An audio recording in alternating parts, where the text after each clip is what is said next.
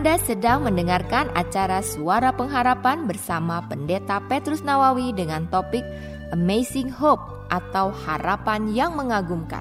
Selamat mendengarkan.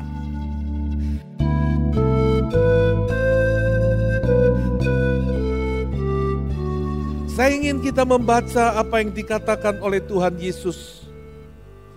Di Matius pasal yang kelima ayat yang ke-43 sampai dengan ayat yang ke-48.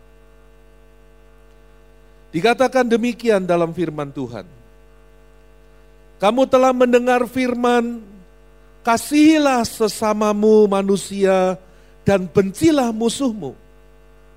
Tetapi aku berkata kepadamu, kasihilah musuhmu dan berdoalah bagi mereka yang menganiaya kamu. Karena dengan demikianlah kamu menjadi anak-anak Bapakmu yang di sorga. Yang menerbitkan matahari bagi orang yang jahat dan orang yang baik. Dan menurunkan hujan bagi orang yang benar dan orang yang tidak benar. Apabila kamu mengasihi orang yang mengasihi kamu, apakah upahmu? Bukankah pemungut cukai juga berbuat demikian? Dan apabila kamu hanya memberi salam kepada saudara-saudaramu saja, apakah lebihnya daripada perbuatan orang lain? Bukankah orang yang tidak mengenal Allah pun berbuat demikian? Karena itu, haruslah kamu sempurna. Sama seperti Bapakmu yang di sorga adalah sempurna. Saudara dalam firman Tuhan ini Tuhan Yesus berkata tentang satu prinsip. Satu prinsip yang berbeda dengan prinsip di mana orang kebanyakan hidup. Kebanyakan orang hidup dengan prinsip antara lawan dan kawan. Seolah-olah hidup itu dibagi dua, kawan dan lawan, kita dan mereka, saya dan kamu. Seolah-olah yang bersama-sama itu kawan, yang berseberangan, yang berlawanan itu musuh. Seolah-olah semuanya dibagi dua, mereka dan kita. Bukankah dunia kita dunia yang seperti itu? Bahkan tidak heran kadang-kadang itu pun terjadi di dalam gereja. Tapi Tuhan Yesus mengajarkan hal yang berbeda. Dia mengajarkan sesuatu yang bertolak belakang. Tidak ada kawan, tidak ada lawan. Semua harus dikasihi. Bahkan lawan pun harus dikasihi. Ada satu kasih yang kualitasnya jauh berbeda dengan apa yang biasanya dihidupi oleh kebanyakan orang. Dan kalau kita berbicara tentang kasih, tentang apa yang dikatakan di dalam Alkitab ini, setidaknya ada empat jenis dari kasih. Yang pertama itu yang disebut sebagai eros Dikatakan di ayat 43, kasihilah sesamamu manusia dan bencilah musuhmu. Saudara eros ini merupakan kasih yang bersifat egois. Kasih yang mementingkan diri sendiri. Dan kasih yang kebanyakan orang memiliki. Saya dan mereka. Kita dan mereka. Kawan dan lawan hanya bertumpu kepada apa yang menjadi kepentingan. Yang punya kepentingan sama itu bisa menjadi sama. Yang berbeda bisa menjadi lawan. Yang kedua itu yang disebut sebagai storge. Yaitu dikatakan di ayat 47, dan apabila kamu hanya memberi salam kepada saudara-saudaramu saja, Apakah lebihnya daripada perbuatan orang lain? Ini kasih di dalam relasi keluarga. Orang tua dan anak, saudara bersaudara, dikatakan kalau hanya bisa mengasihi di antara itu saja, di antara itu harus ada kasih, betul. Kalau di antara itu saja sudah tidak bisa saling mengasihi, itu lebih celaka lagi dari dunia ini. Tapi kalau di antara itu saja hanya bisa mengasihinya, maka itu tidak cukup. Itu kasih sturge. Kasih yang hanya karena kita family, kita bersahabat. Karena kita saudara, kita saling mengasihi. Orang lain mah masa bodoh. Nggak peduli kita. Yang ketiga yaitu kasih yang disebut sebagai phileo.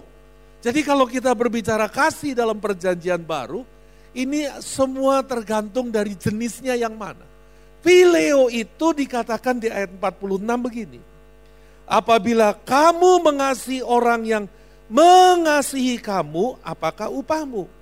Bukankah pemungut cukai juga berbuat demikian? kasih yang timbal balik. Kalau menguntungkan buat saya, saya bisa mengasihi. Biarpun banyak perbedaan nggak apa-apa, yang penting menguntungkan. Untungnya apa? Kalau ada untungnya bisa mengasihi. Kasih yang timbal balik, kalau dia baik kita baik. Kalau dia jahat jangan main-main, kita bisa lebih jahat lagi. Bukankah kita hidup dalam dunia yang seperti itu? Tetapi kasih yang Tuhan Yesus sampaikan, kasih yang Tuhan Yesus katakan ini kasih yang berbeda. Itu yang disebut sebagai agape atau agapau, yaitu kasih yang tidak bersyarat. Kalau filio itu ada syaratnya, yang lain-lain itu semua ada syaratnya. Yang lain-lain itu semua tumpuannya adalah diri sendiri. Tetapi agape ini dikatakan di ayat yang ke-44 dan ayat 45 begini. Tetapi aku berkata kepadamu, kasihilah musuhmu dan berdoalah bagi mereka yang menganiaya kamu. Kasihilah musuhmu dan berdoalah bagi mereka yang menganiaya kamu. Ini nggak ada, saudara. Dunia tidak mengenal kasih yang seperti ini. Kasih yang seperti ini bukan kasih yang berasal dari kemanusiaan kita, bukan. Kasih yang berasal dari kemanusiaan kita itu kasih yang egois. Kasih yang timbal balik Kasih yang terbatas hanya dalam persaudaraan. Tapi kalau mengasihi musuh, berdoa bagi yang menganiaya, itu mulia, itu luar biasa. Dan itu tidak datang dari dunia ini.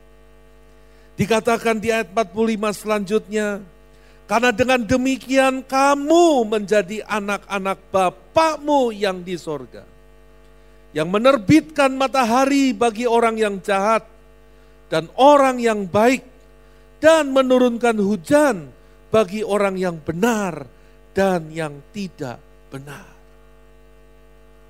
Dengan demikian, dengan hidup dengan kasih itu, kasih ilahi, kasih agape itu, dikatakan kita inilah anak-anak dari Bapak yang di sorga.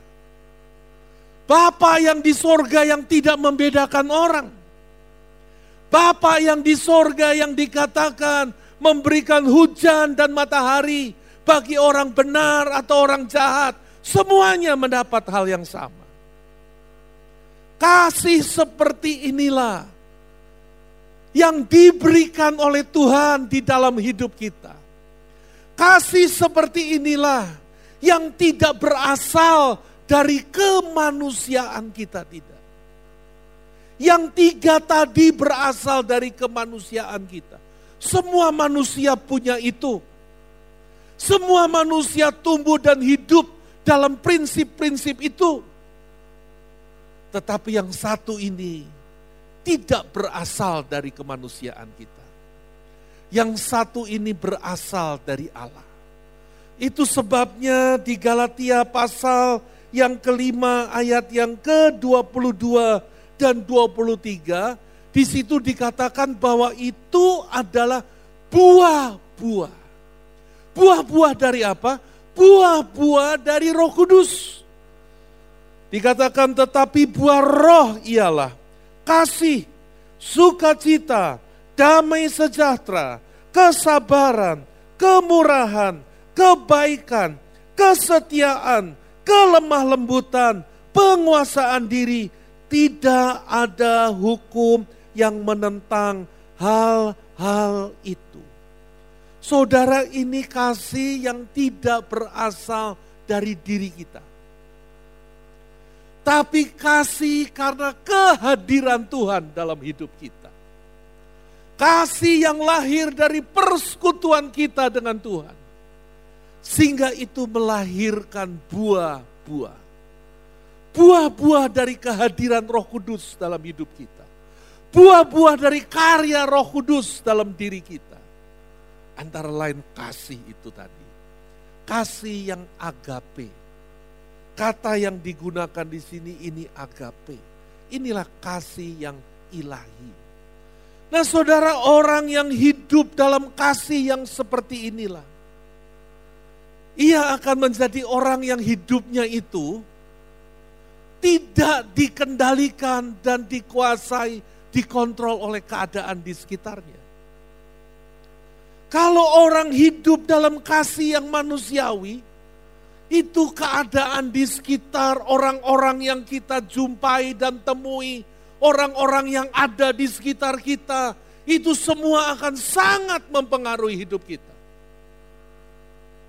Ada orang hidup dalam kebencian yang begitu rupa, dan benci dengan seolah-olah seluruh dunia ini. Padahal hanya karena satu dua orang yang membuat dia demikian bencinya. Padahal hanya ulah satu dua orang yang mengecewakannya. Seolah-olah dunia itu semua sama. Seolah-olah semua orang itu sama. Hidupnya dikendalikan, dikuasai oleh keadaan di sekitar. Nah kalau kita hidup di dalam kasih yang bersifat agape, yang ilahi, kasih yang tidak bersyarat, kasih yang walaupun sekalipun aku tetap mengasihi. Biarpun aku tetap mengasihi, apa pun aku tetap mengasihi. Saudara orang yang hidup dalam kasih seperti itu, Tandanya, apa tandanya?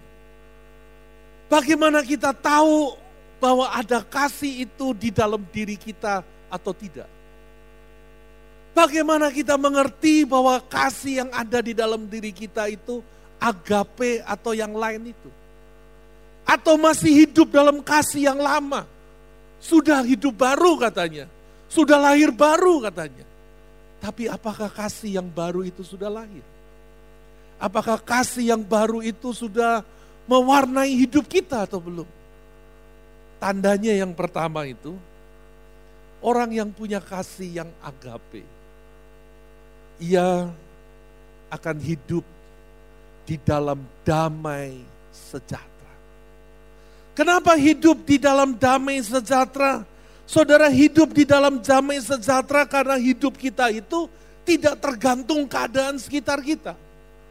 Kalau orang yang hidup dengan kasih manusiawi itu sangat tergantung dengan keadaan sekitarnya. Sangat tergantung dengan situasi di sekitarnya. Dengan orang-orang yang ada di sekitarnya. Sangat tergantung. Sikap satu dua orang bisa mengubah sifat diri emosi yang membuat kita melihat dunia ini berbeda.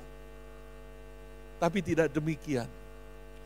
Orang yang memiliki agape di dalam dirinya.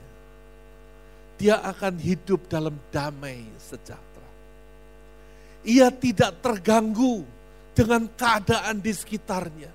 Bahkan pemazmur itu mengatakan begini. Mazmur pasal 35 ayat 12 sampai 15 itu dikatakan begini. Mereka membalas kebaikanku dengan kejahatan kalau ada orang membalas kebaikan kita dengan kejahatan, kita sebut mereka apa? orang jahat. Kita perlakukan mereka bagaimana? Musuh. Tapi dikatakan di sini, mereka membalas kebaikanku dengan kejahatan. Perasaan bulus mencekam aku, tetapi aku ketika mereka sakit, aku memakai pakaian kabung. Aku menyiksa diriku dengan berpuasa dan doaku kembali timbul dalam dadaku. Seolah-olah temanku atau saudaraku lah yang sakit. Demikianlah aku berlaku seperti orang yang berkeluh kesah karena kematian ibu. Demikianlah aku tunduk dengan pakaian kabung. Saudara orang yang bisa mengasihi musuhnya. Orang yang bisa bahkan berdoa buat orang yang berlaku jahat terhadap dirinya. Hidupnya tidak terpengaruh dengan itu semua. Hatinya tetap diliputi dengan damai sejahtera. Orang yang hidup dalam kasih agape, hidupnya dipenuhi dengan sejahtera. Hidupnya enggak panik dan gelisah karena sikap orang Hidupnya nggak panik dan gelisah karena perbuatan-perbuatan jahat yang mengecewakan. Enggak. Damai sejahtera. Bahkan demikian damainya bisa berdoa untuk orang yang berbuat jahat terhadap dirinya. Seolah-olah itu saudara sendiri. Seolah-olah itu mereka adalah keluarga sendiri. Kenapa? Damai. Ada begitu damai yang menguasai. Saudara bukankah luar biasa hidup di dalam kasih Tuhan. Kita tidak hidup menjadi korban dari apa yang sedang terjadi di sekitar kita. Tapi yang kedua, bukan hanya hidup di dalam damai sejahtera, tetapi yang kedua kita hidup menghadirkan damai sejahtera di mana kita berada. Orang yang membawa kasih Tuhan di dalam hidupnya. Ia bukan hanya hidup di dalam damai dan sejahtera. Tetapi ia akan menghadirkan damai sejahtera itu di mana pun dia berada. Di mana pun kita bergaul, di mana pun kita berinteraksi dengan orang, di mana pun kita berada, kita menjadi sumber dari damai bukan sumber dari keributan, bukan sumber dari masalah, bukan sumber dari konflik. Orang baik-baik kita datang jadi ribut, bukan. Orang ribut berantam kita datang jadi damai. Semua jadi baik. Semua saling menerima satu dengan yang lain. Itu tandanya orang yang di dalam dirinya hidup di dalam kasih yang agape Bukan kasih yang mementingkan diri sendiri. Kalau kasih mementingkan diri sendiri pokoknya asal kepentingan diri sendiri nggak terganggu udah masa bodoh diam aja. Daripada ribut diam aja udah. Bukan juga sekedar kasih persaudaraan. Emang dia siapa? Bukan apa-apa udah jangan ikut-ikut, biarin aja. Bukan juga kasih yang timbal balik. Untungnya apa? Gak ada untungnya, bukan tetapi kasih yang tak bersyarat. Kasih yang rela berkorban. Di mana ia hadir, di situ ada damai. Nah saudara, kalau orang hidup di dalam kasih yang agape ini, kasih yang agapau, kasih yang tak bersyarat ini, kasih yang ilahi, Kasih yang sebagai akibat dari persekutuan kita dengan Tuhan. Kasih yang merupakan buah-buah dari kehadiran Roh Kudus dalam hidup kita. Maka akibatnya yang pertama, orang itu hidupnya tidak dikuasai oleh keadaan di sekitar seperti yang saya katakan. Kenapa? Karena hidupnya itu lebih besar dari keadaan dirinya sendiri, bahkan lebih besar daripada lingkungannya. Banyak orang ingin jadi besar dalam hidup ini. Apa sih yang membuat orang itu hidupnya besar? Apa yang membuat orang itu jadi orang besar?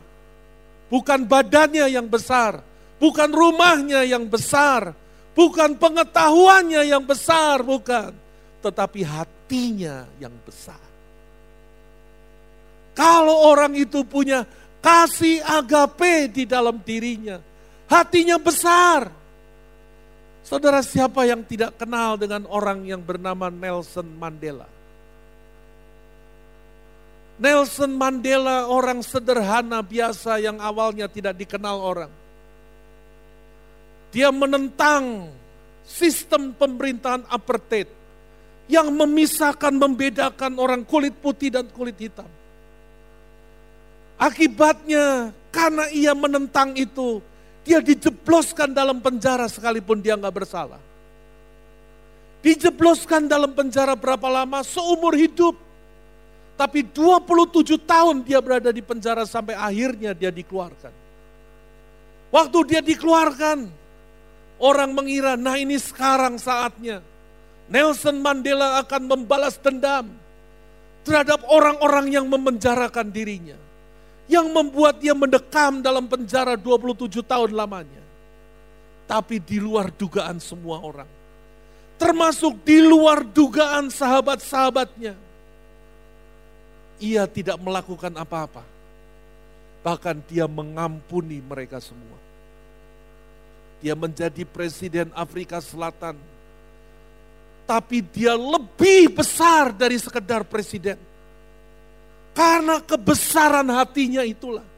Dia menjadi tokoh dunia. Dikenal sebagai tokoh perdamaian. Orang yang punya hati yang luar biasa. Karena mampu mengasihi musuh-musuhnya. Saudara orang yang hidupnya memiliki dan hidup dalam kasih yang agape hidupnya lebih besar dari dirinya.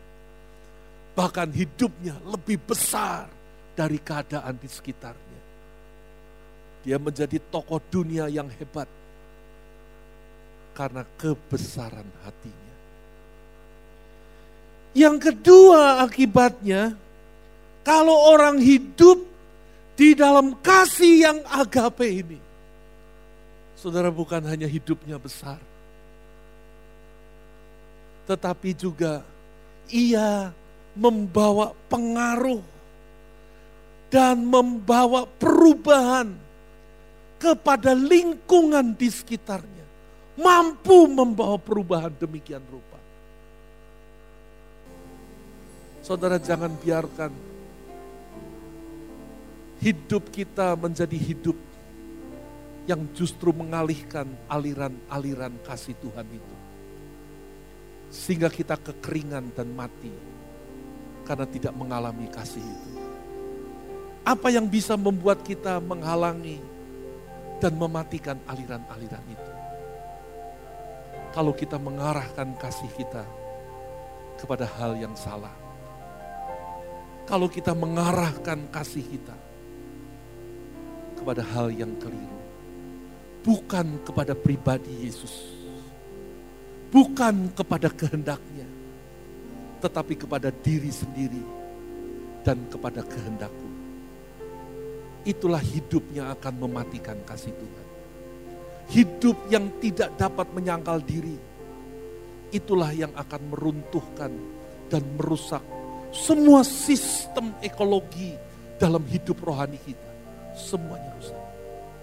Karena itu mari kita datang kembali kepada Tuhan pagi ini minta kembali dan buka kembali saluran itu. Arahkan hidup kita kepada Tuhan. Arahkan hati kita kepada kasihnya. Kalau ada saudara yang selama ini kering dalam hidupmu, karena engkau jauh dari kasihnya, datang sekarang kepadanya. Minta Tuhan membasahi kembali engkau dengan kasihnya yang ajaib. Mari kita berdoa.